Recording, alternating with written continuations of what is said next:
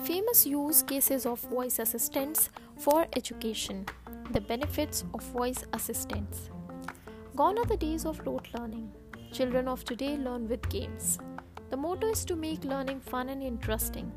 Employing technology has made this effort very successful. So let's see how these use cases are there and how they can help us to understand things better. The first is educational gaming. The Who Am I game with Alexa.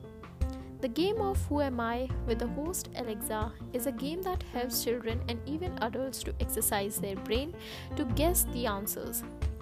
The game develops cognitive abilities of the player along with adding to the storehouse of knowledge. The second is conducting mock test. Teachers today employ voice assistants to conduct mock tests as well as because mock test helps students to revise the lessons and recollect all important points. With voice assistants, there are possibilities of creative ways of conducting mock test that can help students in better remembering of the learnings. The third is play and learn.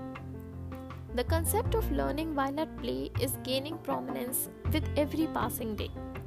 Voice assistants can be the perfect playmates of the children that can play learn with them. One of the most significant and noticeable use cases is that the voice assistants are also being employed in government schools in India.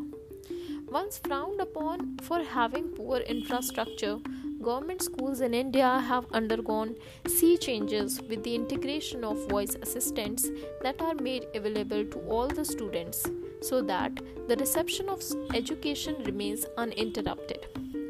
AI driven voice assistants are transforming the society, pushing towards the day when India will be brought towards and under the rubric of developed country. Thank you.